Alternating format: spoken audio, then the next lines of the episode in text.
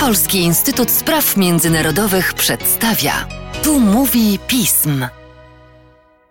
Dzień dobry. Witam Państwa bardzo serdecznie w podcaście Polskiego Instytutu Spraw Międzynarodowych. Ja się nazywam Łukasz Jasina, a moim gościem jest dzisiaj nasz specjalista od spraw brytyjskich, dr Przemysław Biskup. Cześć Przemku.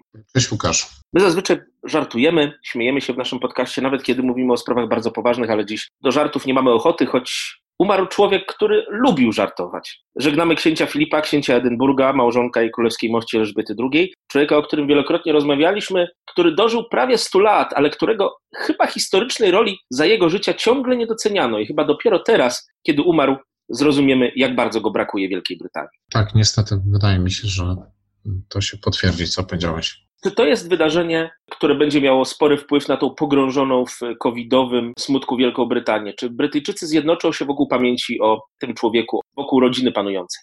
Szukam właściwych słów, ale myślę, że ta, ta śmierć, ona podsumowuje dwa, dwa różne trendy.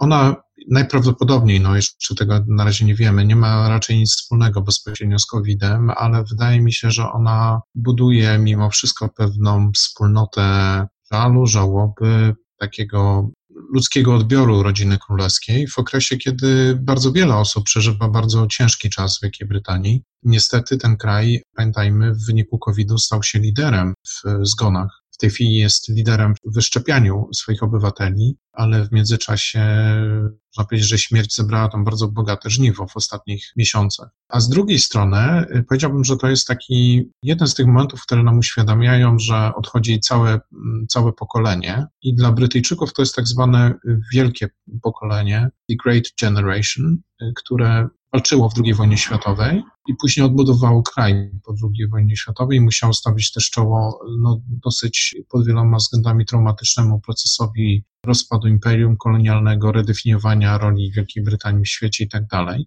To przecież nie był miły dla Brytyjczyków proces, a w tym kontekście warto przypomnieć, że książę Filip w czasie II wojny światowej był frontowym żołnierzem, służył jako oficer marynarki wojennej na różnych okrętach. Pod koniec wojny nawet samodzielnie dowodził i realnie można powiedzieć wystawiał się na, na ryzyko związane z wojną. Ponosił z tym związane ofiary. Książę Filip jest zresztą, był chyba jednym z ostatnich uczestników aktu kapitulacji, podpisania kapitulacji Japonii na pancerniku Missouri. Premier Johnson kilka minut temu wspomniał o tym wielkim pokoleniu. My w Polsce, łącząc II wojnę światową jednak z najstraszniejszą tragedią w naszych dziejach, nie pamiętamy, że w Wielkiej Brytanii to jest podwójna pamięć.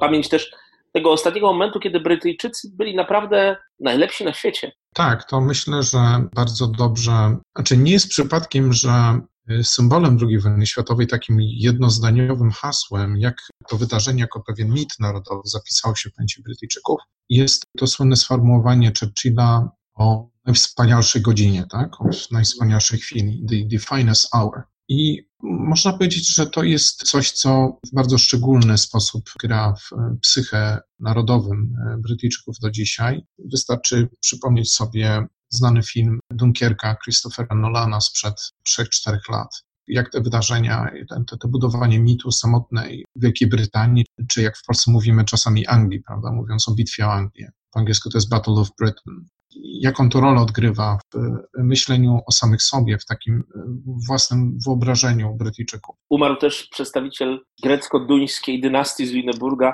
ale i potomek polskiego generała Haukego, człowiek, który w Polsce bywał, który ją znał, kojarzył. Umarł człowiek naprawdę historyczny. Oglądaliśmy z Przemkiem dla Państwa i to serial The Crown. Pamiętajmy dzisiaj o księciu Filipie, a my z y, doktorem biskupem będziemy jeszcze nagrywali podcasty i będziemy o tym, co się będzie teraz w Wielkiej Brytanii działo w tym tygodniu żałoby, mówili. A Tobie, Przemku, dziękuję bardzo mocno za to, że znalazłeś dzisiaj chwilę czasu. Dziękuję bardzo.